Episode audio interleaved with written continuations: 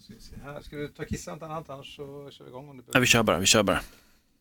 Det här är Fighterpodden. Ladies and gentlemen, we are. I'm not surprised, motherfuckers. Touch gloves. Get ready for war.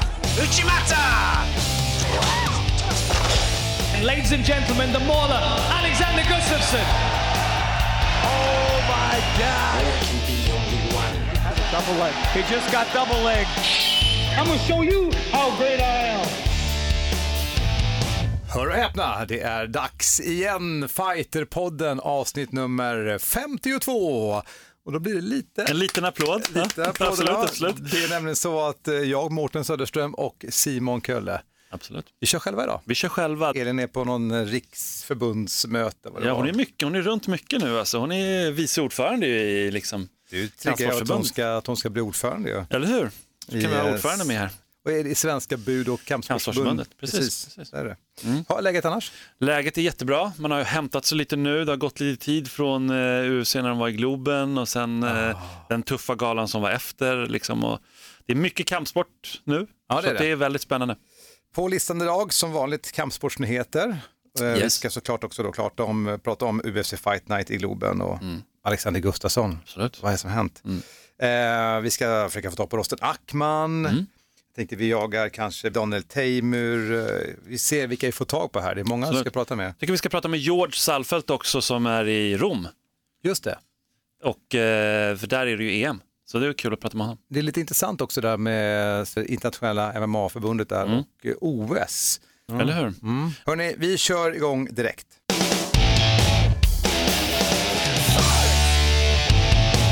Kampsportsnyheter med Simon. Absolut, och det blir ju förstås ganska mycket så att vi behöver prata om UFC i Globen. Om vi får tro det som Alex gick ut med då, så blev det hans, efter hans förlust mot Anthony Smith så ja, lägger han handskarna på hyllan. Vår största kampsportare kanske någonsin. Många säger ju Ingo, men man säger som kampsport som sådan så, så tycker jag nog nästan att det är Alexander Gustafsson. Ja, alltså såklart man kan sätta det i ett historiskt perspektiv med Ingo, men, men eh, idag är han ju det. Ja. Det han har gjort för MMA men även kampsport överlag och, och liksom hur han har burit sig själv genom hela den här sin karriär och alla runt omkring. Och, det, och bara veckan innan det så slutade Reza Madadi så att det, det var en ganska turbulent tid där. Och jag, jag undrar om han blev lite inspirerad på något sätt. Han sa, han sa ju att han efteråt, alltså Alex då, att han inte sagt det där till någon, inte ens sina tränare. Men om då någon annan liksom slutar veckan innan på samma klubb och jag vet inte, det, det blir liksom lite sånt och jag menar David Bjelkheden kanske är i liksom the twilight i sin karriär. Även om han vill ju gå, han vill ju ha en rematch och vill köra vidare så är det ändå så här, det är ändå i sluttampen liksom. Så han umgås med sådana runt omkring sig så att det påverkar säkert. Det är jättelätt att säga i efterhand. Vi pratade om det förr lite grann du och jag ju. Eh, Om man tar um, Jack Hermansson, där han är just nu, eh, den blicken han har, den energin när han kommer in i buren, när han liksom han vill så otroligt mycket vinna och han eh, lyckas dessutom med det här nu. Ja. Jag vill säga att när de precis stod mot varandra i buren så upplevde inte jag att Alex hade den gnistan som Okej, han... du såg det Ja, liksom. men och det är lätt att säga, det står som att det var orakel här. Mm, Så att jag direkt tänkte bara, fan det här blir tufft. Mm. Det här var inte, liksom, det här ser tufft ut. Och jag upplevde lite grann att så blev fighten. Mm. Eh, I världsnivå. Det är ju det. Liksom, eh, och och Anthony Smith, jag ska inte säga att någon såg mer taggad ut, men det var någonting i arenan. Nu är det också så att du såklart luras av den enorma spänningen. För det vet du själv, en hel gala, det här är huvudkortet. Det är nu det händer. Det var väldigt, väldigt mycket spänning i luften. Men det var lite grann som att, ah, det sitter inte riktigt. Ja men eller hur, och Anthony han, i hans karriär, han har väl typ 12-13 förluster. Det, då är det mer, han har haft, han är superbra just nu, men han är också ganska van med att förlora. Alltså det, det är lite så, man kan faktiskt bli lite bra på det och bara skaka av sig det och komma tillbaka. Han, bara, han visste att han gjorde en riktigt dålig match mot John Jones. John Jones gjorde honom dålig också, men han hade också en dålig dag. Nu hade han en bra dag, så det var det. Men om vi ska snacka resten av kortet då, men det känns som att vi, skulle pod, vi ska ju podda, vi måste prata med Andreas Michael någon gång också, om det blir nu eller någon annan gång får vi se. Liksom. Men vi måste prata med honom och, om hans känsla. Men vi hade ju till att börja med, Rosten Mackman fick kontrakt, fem dagar kvar. och sådär. Det är jättekul om vi hade någonting med det att göra. Hoppas, det kan vi alltid vi ska hoppas. ringa liksom. Rostem alldeles strax. måste vi göra. Ska man bara säga till dig som lyssnat, som sagt, han har varit med här sedan han var amatör. Absolut. Och eh, sa till oss en gång i tiden då att jag ska gå över till proffs och ni- vi sa, kommer du klara av det här? Och ni ska få se, sa han bara. Och eh, har ju gått från klarhet till klarhet. Och senaste podden, då pratade han om att han liksom verkligen ville komma in i UFC. Mm, Och du Simon sa, jag ska nog dra er på trådar. jag vet inte hur mycket du har påverkat, men du skulle tydligen få pengar för det också. Så det blir spännande. Nej, jag tar inga pengar för det. Jag skojar bara om pengarna. Men, eh, med nej, kort varsel så kommer han in i UFC. Absolut, det gjorde han. Det gjorde han och det är jättehäftigt tycker jag. Ilir Latifi skulle ju gå match där och det var ju Mm. väldigt synd då att han, eh, hans skada då dök upp igen och han kunde tyvärr inte gå där. Och det, det är väldigt De pratar om någon ryggskada. Man har pratat om ryggskada precis och det är väldigt tråkigt. Alltså, det är i så fall andra gången tror jag om jag inte minns fel, fel som han eh, liksom, ah, som den spökar och det, det är väldigt synd. Jag Det var hoppas ganska nära inpå också ju. han såg, det var ju intervjuer innan, för han var ju ändå med på media, eller så här mediadagen och det och då var det ju så här, då såg han såg typ alltså, ut lite som att han var kanske sjuk eller någonting. Alltså, Jag tror inte han mådde hundra alltså, men eh, ja, Och det ska säga, de- den matchen, den saknades på det här kortet, Ja, på den här galan. verkligen, Det verkligen. blev lite tunt, även om jag såklart tyckte det var superkul, bland annat med Rostem, Mm. Daniel Tamer. Daniel Tamer, men, men alltså, eh, Volkan Östermin måste vi ändå säga, han gick faktiskt upp, vägde in och allting. Han, han gjorde faktiskt hela grejen så här. Det var ganska coolt gjort ändå tycker jag. Ändå jag säga kör- bara, med, Volkam också, för vi var efterfest sen, Mm. Ja. Mm. eller efterfest, det var ju på hotellet där, så var det ju alla fighters var efteråt. Och han gick ju runt där i sin kostym. Ah, ja, Det är ju, alltså vilken jävla ryggtavla. Hur? Alltså det är ingen liten kille. Eh, och liksom, vet, han, han var ju glad och happy såklart. Eh, men gick runt där och eh, vet, tog selfies överallt och sådär. Mm. Skön kille. Och så fick han sitt liksom, gage ändå, så här, för att han genomförde vikten det. Men det var väldigt synd att vi missade den. Men jag tycker alltså Lina Länsberg borde vi börja med nästan. Och det var ju så här, jag menar hon slog ändå en vikt, tidigare mästarinnan i en vikta som eh, dessutom har slagit pann, eh, måste vi också nämna. Och det var så här, wow. Alltså Lina Länsberg har aldrig någonsin sett så här bra ut som hon gjorde i Nej, den det matchen. var riktigt bra. Hon, är, hon har arrived, som man säger, verkligen. Jag tycker hon, det här är hennes livsmatch. Det är ingen snack om saken. Ingen tvekan. Jag menar, och Otroligt. Avengers som också är duktig på backen. Den, matchen börjar ju lite, alltså ganska mycket stående mot nätet Mm. och sånt där va. Men eh, sen tog ju Lina ner eh, Avenger och som satte sig i respekt. Ja. Du märker i en fight när något sånt där händer, hur Avenger direkt så att säga, tänker att hon, för Avenger hade dessutom ryggen ja, ja. på Lina liksom, och så här, nu kommer jag att strypa ut henne. Mm. Men hon red ur den stormen liksom, och sen vände hon. Och sen såg hon bara starkare, starkare ut och sen satte hon armbågar på Avenger och liksom, alltså det var hennes livsmatch. Det var hennes livsmatch och det var också väldigt bra coachning. Alltså det var, man- jag tyckte man såg det och, och även innan så här gameplansmässigt och allting. Alltså, det är ju Hamid eh, Khorazani eller Mm. Akira då som man är mer känd för, som, som är hennes coach och, och pojkvän. Pojkvän övrigt också, precis. Ja. Så speciell relation där liksom. Men, men det är väldigt, väldigt mäktigt. Sen har vi Bea Maleki då som eh, gick mot en riktigt, alltså hon såg ut som en monster tycker jag, den här Brasilia, brasilianskan som hon mötte. Bea såg väldigt smal ut. Hon hade verkligen bantat ner sig. Jag, tänkte, jag sa först jag sa vad smal hon ser ut.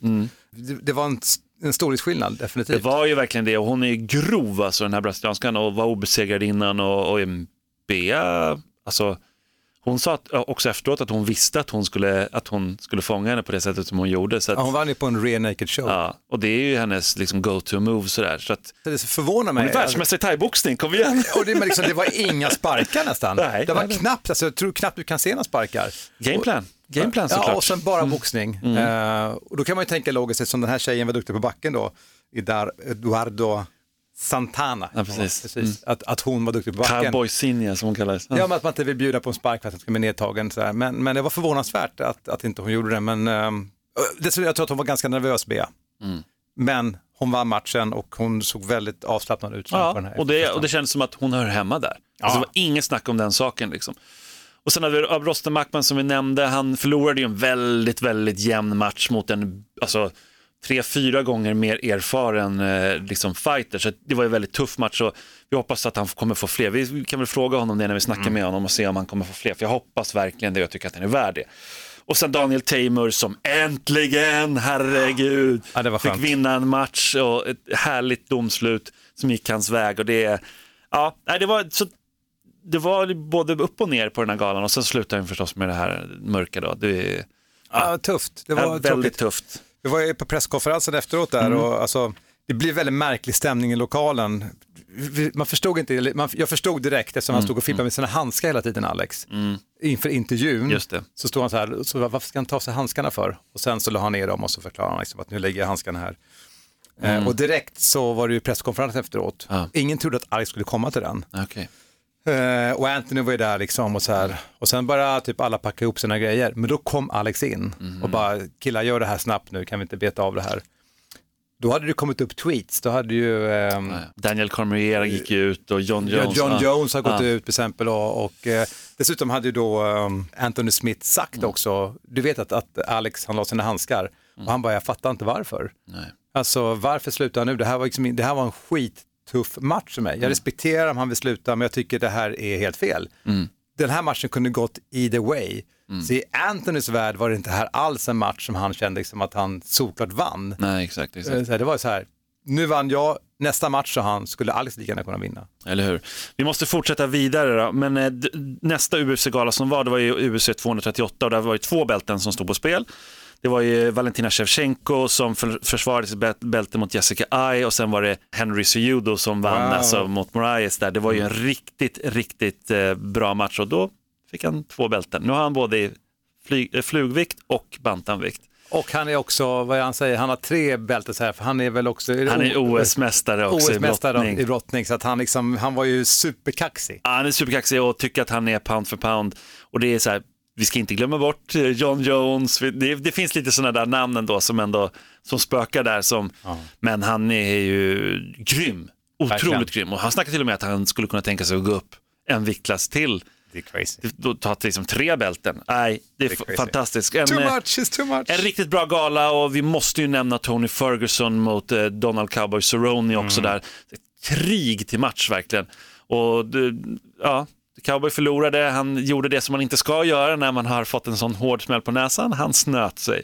Alltså Och han det- hade ju fått en smäll på näsan Ja. och ögat, ögat var ju svullet. Ja, men det var inte så svullet. Det svullnade ju upp när han liksom... Det är faktiskt, om inte ni har sett den, du som lyssnar nu, så ska du titta på det, det finns säkert på, liksom på nätet. Alltså han snyter ju till och man ser bara hur ögat bara plopp. Plopp upp. Och han ska ha tur att det inte var båda ögonen faktiskt, för det kan faktiskt hända där. Och det, är så det är en gammal boxningsgrej, liksom att vad du än gör, don't ever blow your nose när du har fått en sån. Jag har brutit näsan kan jag säga, jag fick en skalle en gång på näsan.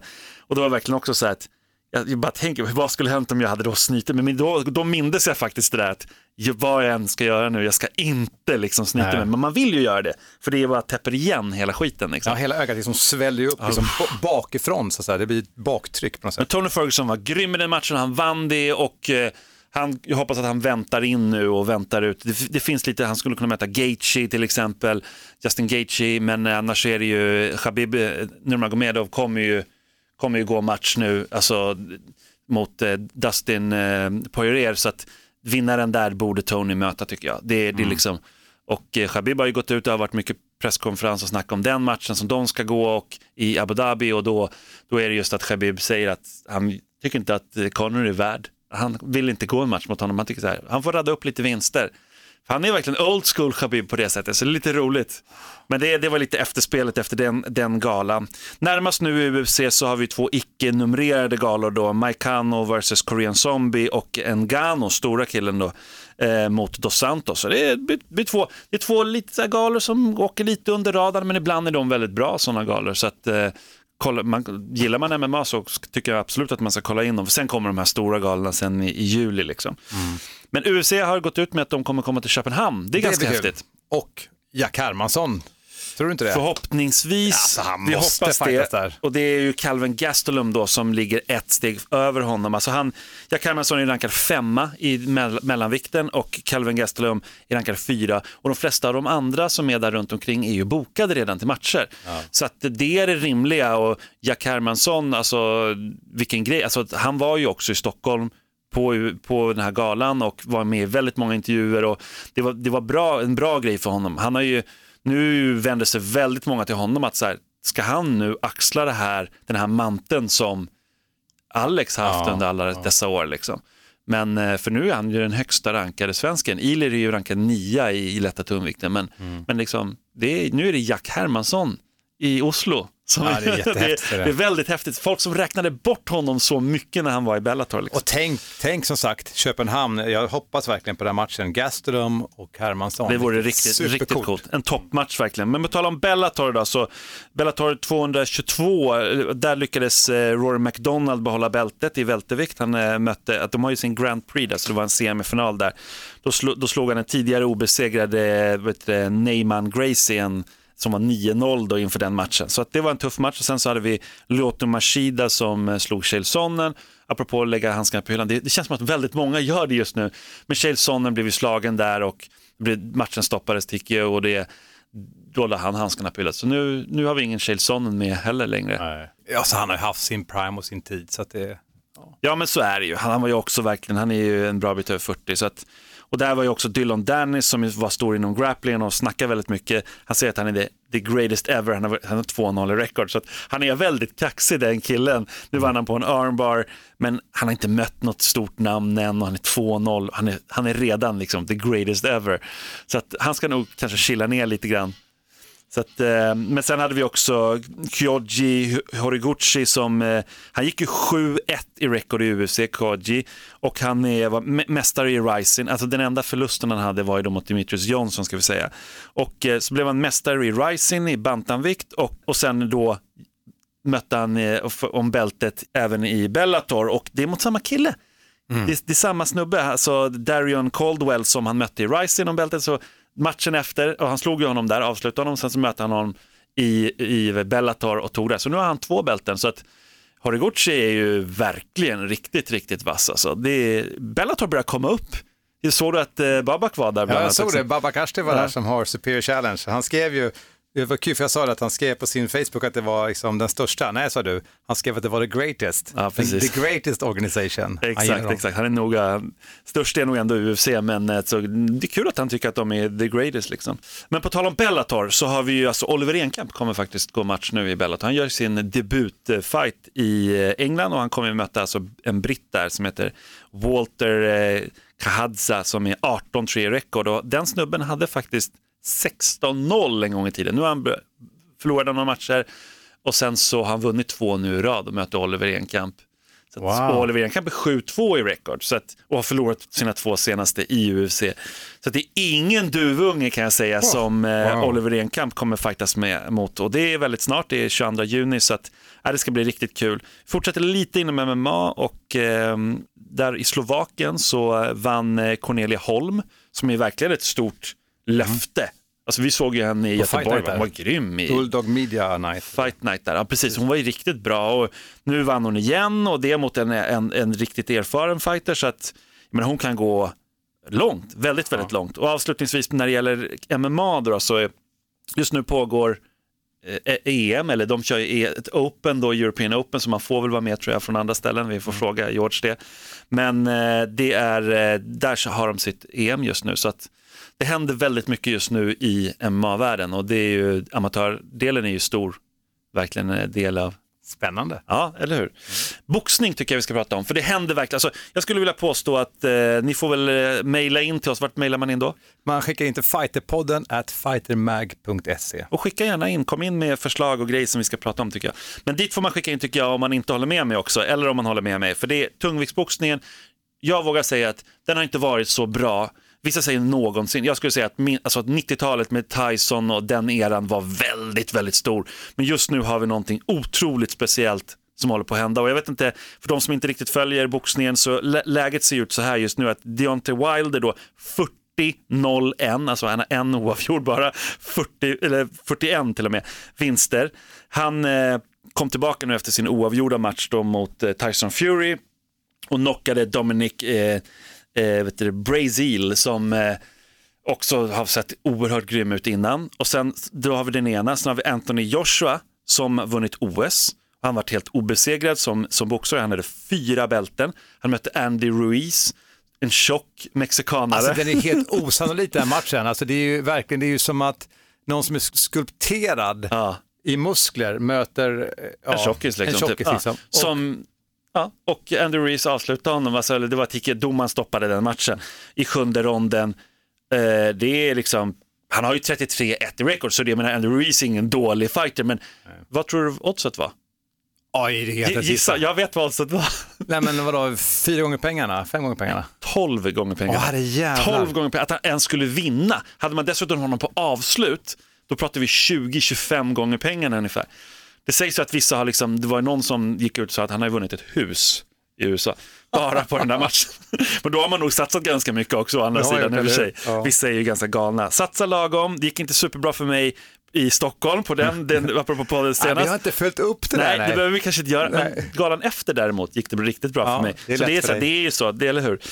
Eh, lätt att säga i alla fall. Men vi fortsätter lite inom boxningen. Sen har vi Tyson Fury då som nyligen vann mot en tysk som heter Thomas, eller Tom Schwarz eh, på TKO, alltså såg oerhört bra ut. Och jag menar, nu är det väldigt, väldigt många, eh, bland annat Khabib, men även många andra som säger att det är, han är den bästa boxaren i hela världen. Alltså det, det är ju helt otroligt så, hur bra han är. Liksom. Tidigare obesegrad kille som han slog nu, 24 matcher.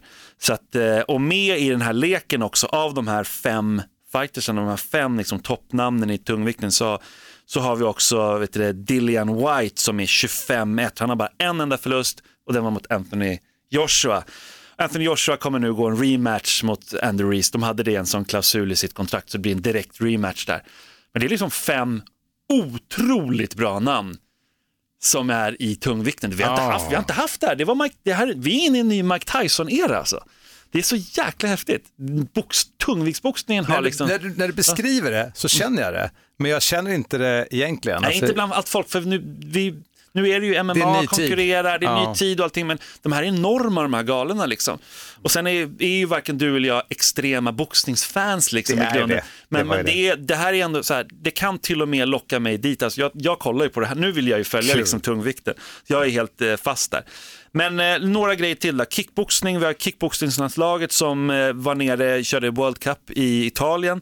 Alltså det var ett totalt guldregn verkligen i, vilken rubrik är det? En, ett guldregn i Italien. Tio medaljer tog Sverige, två guld, snyggt. två silver, eller medaljregn borde jag säga, inte guldregn kanske. två guld, två silver och sex brons. Så medaljregn är väl bättre. Sen har vi haft, eh, nu snart så kommer EM i Chorinho Campo. Också, det går av stapeln i, på hemmaplan eh, i år, den 6 juli. Eh, så blir det mästerskapet och det är Eriksdalshallen i Stockholm. Så det tycker jag alla som gillar lite mer traditionell kampsport tycker jag ska röra sig dit Ja. och kolla på det. Alles, Det var det. det var det. Vi har många att ringa. Jag tänker, har eh, vi. vi. jag tror vi ringer till Daniel Teimur först. Ah, det vore häftigt. Alltså, han är nog väldigt glad tror jag. Får se. Se om han är på en båt igen då.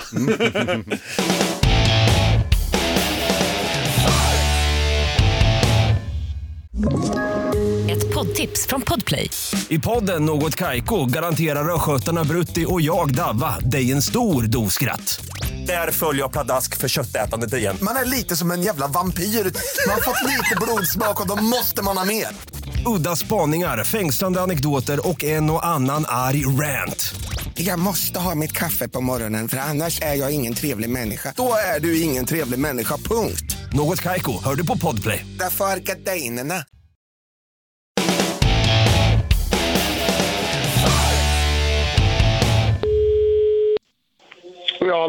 Daniel, det är Fighterpodden. Tjena! Tjena fan! Var är du någonstans? Vad gör du? Vad gör du? Är du på båt nu igen? Nej, nej, faktiskt inte. Jag, faktiskt, jag, har, jag har lite gäster som, som kommer hem till mig, men jag håller på att förbereda maten. Men om det är okej att jag lagar mat samtidigt så, så, så, så, kan vi, så kan vi köra på. Ja, det blir bara ett eh, snabbt samtal här. Vi snackade ju med dig faktiskt inför UFC och då var du på en båt. Yes. Du hade sönder någon lanterna också där, var det inte så? Stämmer, stämmer. så, Du, äh, ja, du, vilken match du bjöd på, vad härligt det var. Jag var ju i Globen och såg den när du mötte Sung Bin Yu. nej, Sung Bing Chong. Vad sa han? Vad, vad sa jag efter matchen? Såg det? Han var obesegrad innan och sen nu är han inte obesegrad längre. Precis. Han var, han var faktiskt obesegrad eh, innan, men eh, det var att det, han fick möta en riktig kaliber. Det var verkligen en grym match du gjorde där, En, herregud. eh, en, en, en riktig Teemu där så, Eller? som var eh, under god tryck där som fick eh, leverera lite. Så nej, men det, var, det, var, det gick bra. Alltså när man såg matchen, jag måste säga att han hade ju ett bra ground game, men du hade ett bättre. Tydligen var det väl så.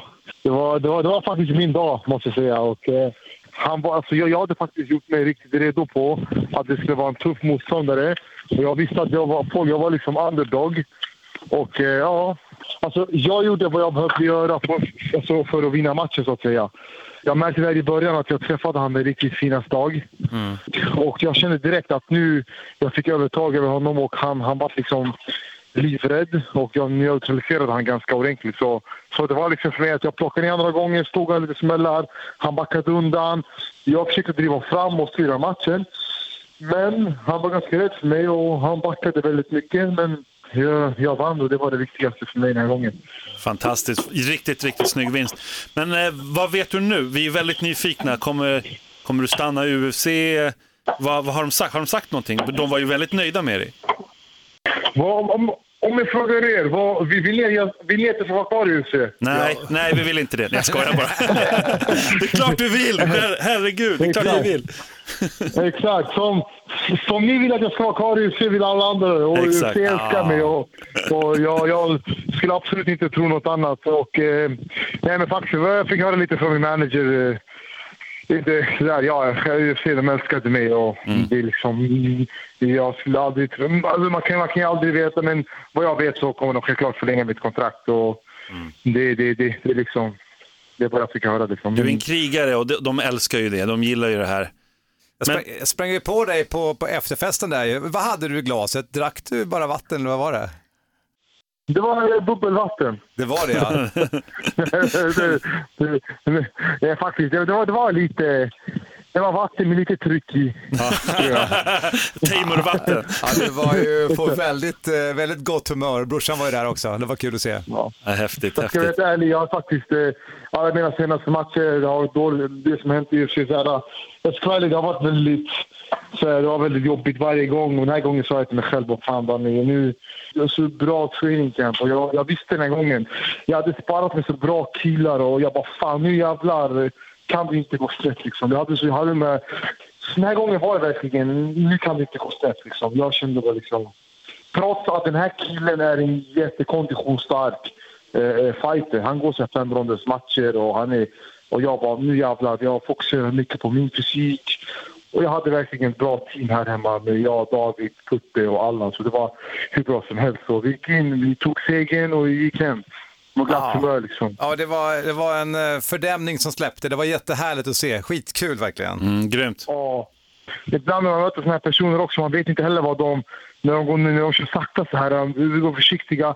Vet, ibland de försöker lura in dig, de tror att du ska gasa ut det och sen ska de ta över. Så man måste också vara lite smart. Nej, men det var väldigt tydligt. Det var en tydlig vinst alltså. Det var ingen snack om saken. Ja, ja, ja, absolut. Du, eh, en annan fråga. Vad är det för mat du lagar? Oj, jag lovar. Jag, faktiskt, jag var på Maxi. Jag köpte så här färsk potatis, och jag har köpt massa kött och massa sallader och efter, så här, frukter och grönsaker, allt möjligt. Vi ska laga lite god mat. Nice, nice. Ja, men du ska få fortsätta med det tycker jag. Du, eh, vi hörs snart igen Daniel. Ta hand om dig. Tack själva. Tack för att du ringde. Bästa. Ha det bra nu.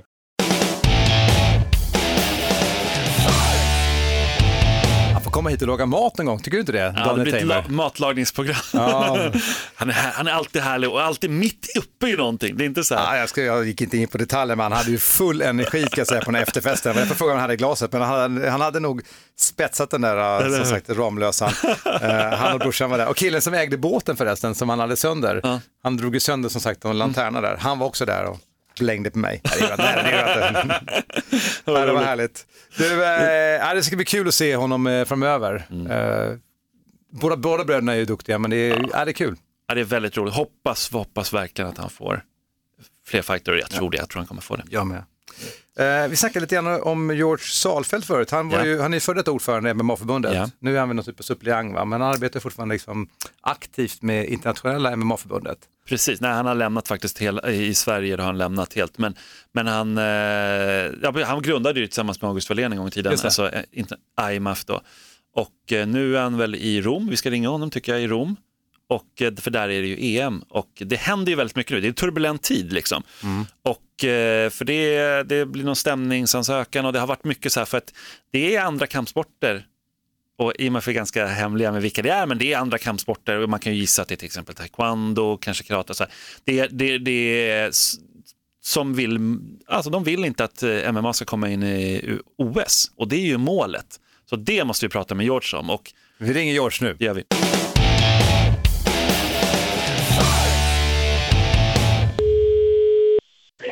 Ja, det är George. Hej George, det är Fighterpodden som ringer. Hej, vad trevligt. Tjena, George, tjena.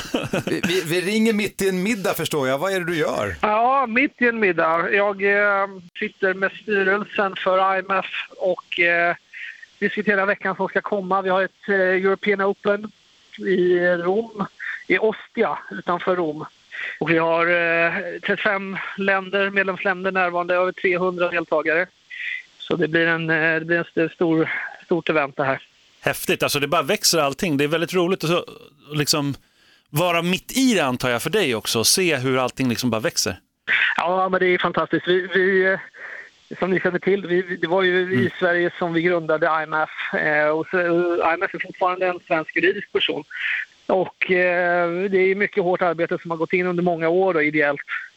Eh, och nu, nu är det verkligen så här, på ordentlig frammarsch. Vi har gjort ett sammangående med eh, den ryska motsvarigheten som samlade upp eh, egentligen de gamla Sovjetstaterna primärt som hette eh, WAMA, World Association of Mixed Martial Arts. Och eh, nu har vi då gjort ett sammangående med dem, eh, så nu täcker vi ju verkligen hela världen. Så det, eh, det känns fantastiskt. Det är otrolig dynamik här. Det är kul eftersom alla våra kontinentala mästerskap är ju open.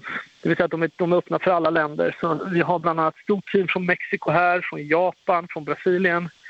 Så det är, ja, USA, det, det är jätteroligt. De kommer då att fightas om medaljerna. Så de får också då scoring, eh, rankingpoäng då inför, inför VM och sådär. Spännande. Ja. Men allting är ju ändå inte helt hundra just nu, eller hur? Det alltså, ni, ni kommer ju gå upp i rätten. Berätta lite om det här, för det är många som är intresserade. Eh, men alltså, vi har följt WADAs regelverk då när det gäller dopingtester till punkt och pricka. Och vi har eh, eh, ansökt om eh, att bli medlemmar av WADA helt enkelt. Då. Eh, eh, den internationella dopingorganisationen som, som, eh, som kontrollerar alla sporter. Eh, men vi har hållits ute därifrån med argumentet att vi måste komma in i det som kallades för Sport Accord som nu heter GAISEF igen. Då. De har bytt namn lite fram och tillbaka men det är en sammanslutning av olika världsförbund för idrotter. Då. Ska vi förtydliga lite grann för lyssnarna, alltså, vad, är, vad är det ni processar för? Ja, vi processar helt enkelt för att få bli eh, så här, godkända medlemmar i WADA, va? Eh, precis som i stort sett alla andra förbund är. Va? Men det finns ett motstånd mot MMA fortfarande. Vi ser ju då att det börjar ju det börjar krackelera det här motståndet. Frankrike nu eh, senast här då har ju, har ju då på regeringsnivå faktiskt så här, godkänt MMA och man har då blivit en del av den eh, franska idrottsgemenskapen, alltså motsvarande eh, RF då, som vi har. Men George, varför, varför, är det, varför är det viktigt att vara med i WADA? Ja, men det, det, det är flera steg här. Eh, Den här sporten har liksom utvecklats på, professionell nivå som vi alla känner till i, över hela världen, då, en massa olika promotions. Och för, för att liksom skapa någonting fundamentalt stabilt då, så är det bra att vara en del av det olympiska programmet. Alltså det har varit vår målsättning från början. Och då måste man här, ta ett antal steg. Eh, ett är då naturligtvis att vara WADA-compliant och sen också vara godkänd och licensierad av WADA. Eh, det andra är att komma in i det som kallas för, kallades för Sport Accord, men som heter, det heter GAISEF nu igen. Utifrån det så har man en plattform att arbeta på eh, gentemot att bli en del av det olympiska programmet. Och vi känner att det olympiska programmet har eh, under ganska lång tid försökt förnya sig och man har sett en del sådana såna aktiviteter då när man, där, där det kommer in nya sporter och sådär. Det är viktigt för, de, för den olympiska verksamheten att vara attraktiv och, och visa sånt som folk är intresserade av såklart. Då. Och vi vet ju att MMA de senaste kan vi titta, 20 åren har ju haft en enorm utveckling. Då. Det är det som är grunden, att vi, vi, vi siktar vidare mot det här målet och vi, vi kommer jobba hårt för att nå dit. Det är ju verkligen intressant och man vill ju verkligen få in MMA i OS. Jag tror att det skulle betyda väldigt, väldigt mycket för idrottarna och för fansen, alltså för alla.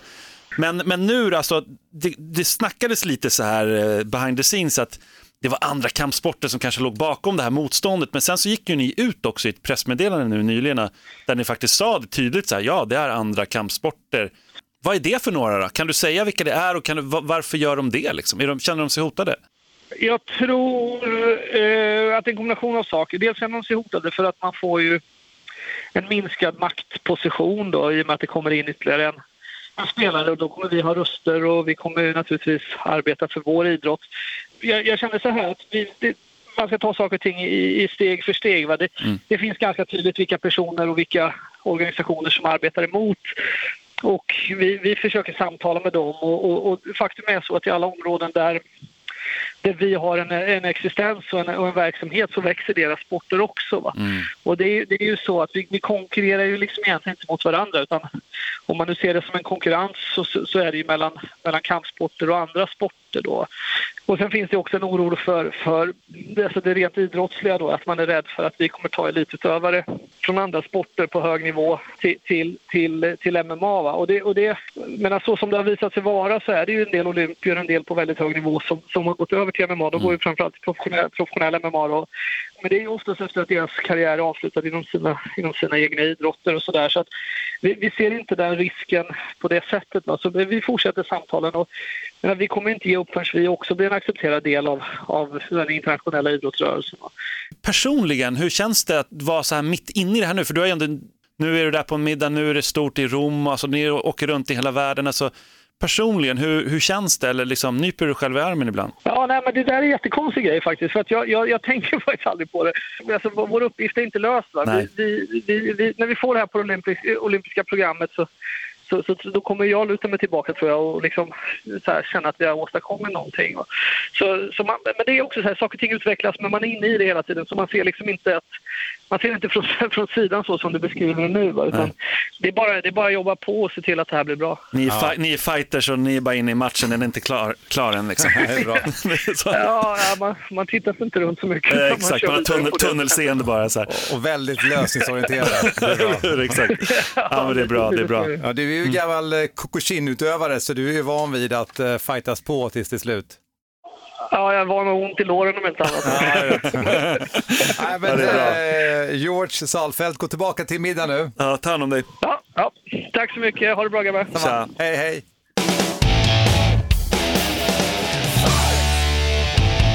Vilket arbete han lägger ner, George. Herregud. Ja, men det, är, Eller det, alla ska säga som engagerade, men det är ändå kul att höra. det är något speciellt med George skulle jag säga. Och jag, jag känner honom rätt väl och jag vet vilket otroligt arbete det är att Men att kan- sagt Sverige också ska vara så tongivande i arbetet att få in MMA i OS. Ja, men vi har en väldigt bra organisation här och vi Mm. har folk som George Salfelt som eh, eh, liksom kan prata med, man ska, det finns väl något ordspråk, prata med bönder på bönders vis, men han kan prata med politiker på politikers vis och han kan Mm. prata med affärsmän på affärsmäns vis. Och med kampsport, alltså han är bra på att prata med folk liksom. Mm. och bra på att dra igång det här. Och sen är det klart att eh, föra in då svenska värderingar och det, med det menar jag alltså vad vi har från vår organisation med Riksidrottsförbundet och hur vi har gjort. Det har ju liksom spridit sig över hela världen och den här modellen hur man fick det liksom godkänt i Sverige för att det var ingen som trodde det. Det var ingen som trodde att Sverige, alltså vi, vi hade proffsboxningsförbud sedan 82 eller något sånt där. Alltså det var så här, det var väldigt svårt. Hur fan kunde vi lyckas med det i Sverige? Det var mycket tack vare, inte bara George Salfelt, men han är, han är ju i den trion som Ja. gjorde. Micke Sjölin, August Wallén ska också nämnas. Och sen andra då som hjälpte till, för det var många som hjälpte till. Men, så att, eh, ja, otrolig gärning och den fortsätter. Det är, jag gillar det här med att det är som en match liksom. De är ju inne där alla, är de där, alla de där är ju Fighters. gamla fighters. Jag hoppas i alla fall att eh, vi får in eh, MMA i OS. Vi vore inte det fett? Det Jättekul. vore otroligt coolt. Eh, En kille som skulle kunna varit med då, som var amatör, men som inte är det längre, Nej.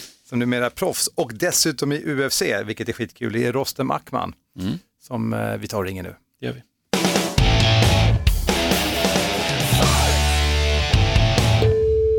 Hallå? Rostem Ackman, det är Fighterpodden.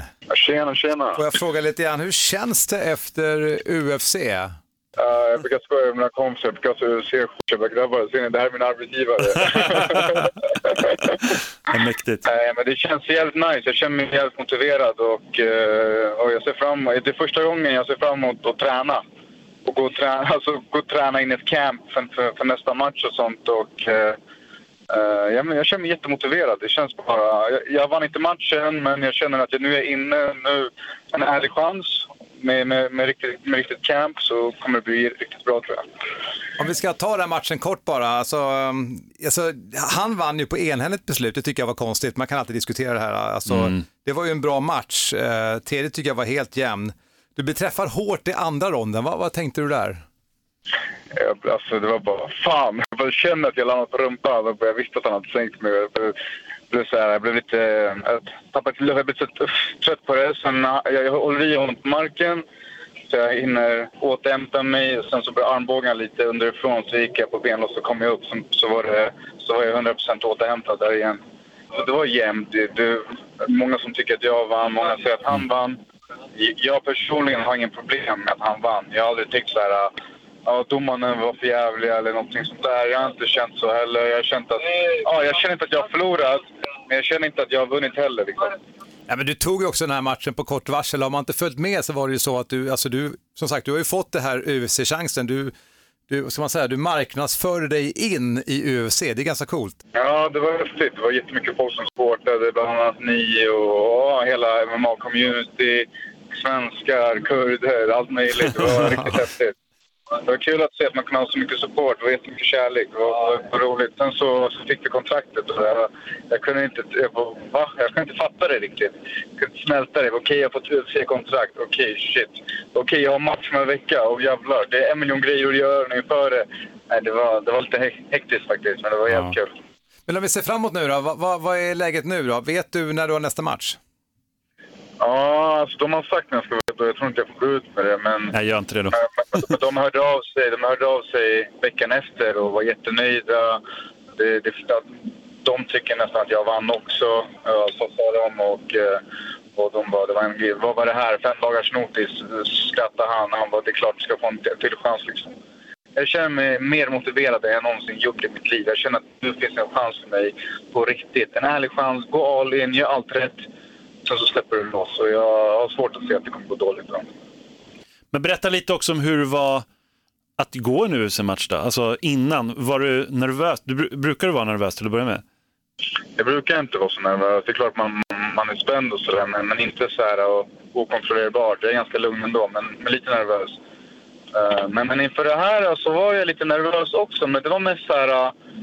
Alltså, det var mycket större gala. Det var så här, okej, du kan leverera här, du kan vinna performance of the night. Det var så mycket, mycket större. Jag bara, Jag kan förändra mitt liv och, och jag blev lite tagen av det, skulle jag säga. Eh, Så det är någonting som jag kommer jobba på inför nästa match. Alltså det var ingen dålig match Rostem. Och som sagt med kort varsel och allt det här och såklart det fi- finns ju en press, absolut. Eh, Hur, hur kände du dig liksom hanterad av UFC även om det har varit liksom kort? Du kom in i det, liksom, kändes det som att det här är en stor organisation? Ja, det var en helt annan sak. Du fick, du fick hotell en hel vecka i Stockholm och jag bor i Stockholm. Och jag menar, annars på andra galor har jag fått tält en natt. Eh, Jag fick ganska mycket matpengar för, för några dagar. Alltså allt var mycket större. Alla mina coacher fick en, resväska full med Reebok-kläder. Eh, så det var mycket sånt där. Och sen var det typ fem olika läkare du ska träffa. Det, det, fotografering, video. Det var, det var mycket. Alltså, det ska göras tidigare. Det ska inte vara så matchvecka. Jag ska klippa vikten den här veckan. Jag har fått ett UFC-kontrakt som jag hade svårt att förstå. Allt det här ska göras. Det var bara väldigt hektiskt. Liksom. Eh, Men känslan var underbar. Gå ut i Globen.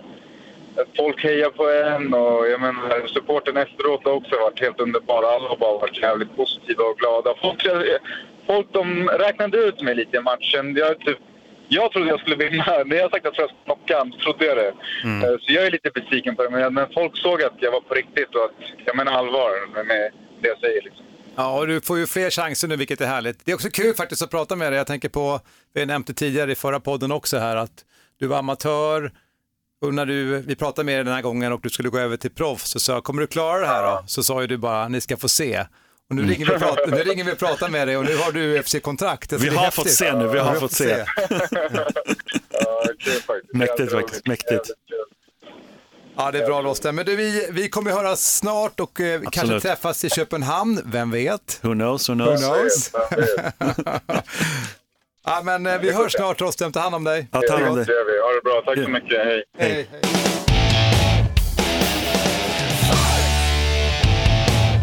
Alltså det är så kul, Rostem Akman alltså, Ja. med nu kontrakt i UFC, att det gick hela vägen. Ja, det är väldigt, väldigt häftigt. Och, eh, alltså man hör ju på honom vilken glädje han har. Alltså, Ja. det är helt, man blir så här, mm, ja, det, det är riktigt gött.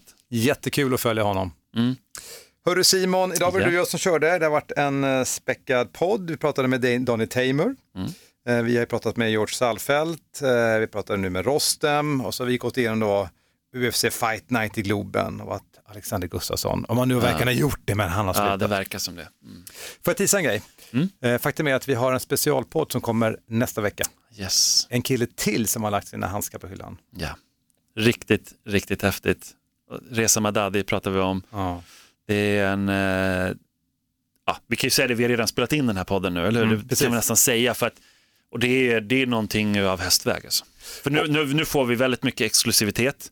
Det. Han kommer inte gå till någon annan och, och snacka om det här och han berättar också alltså de, mör, de mörkaste, mörkaste grejerna som han har varit med om och även det ljusaste, ljusaste. Så det, Ja, det, det är här, en- det här det är liksom ett spektra som är... Han berättar grejer han inte har berättat Jag hade förut. gåshud. Så är det. Och han är väldigt öppenhjärtig. Så att, eh, en riktigt spännande Mm. specialpodd kommer nästa vecka, alltså då med Reza Madadi. Mm. Ja, mycket idag hörru. Grymt, häftigt. Simon Kulle, Yes. Mårten Söderström, hör gärna av dig till oss, fighterpodden at fightermag.se. Därmed knyter vi ihop Fighterpodden nummer 52. Vi säger Oss!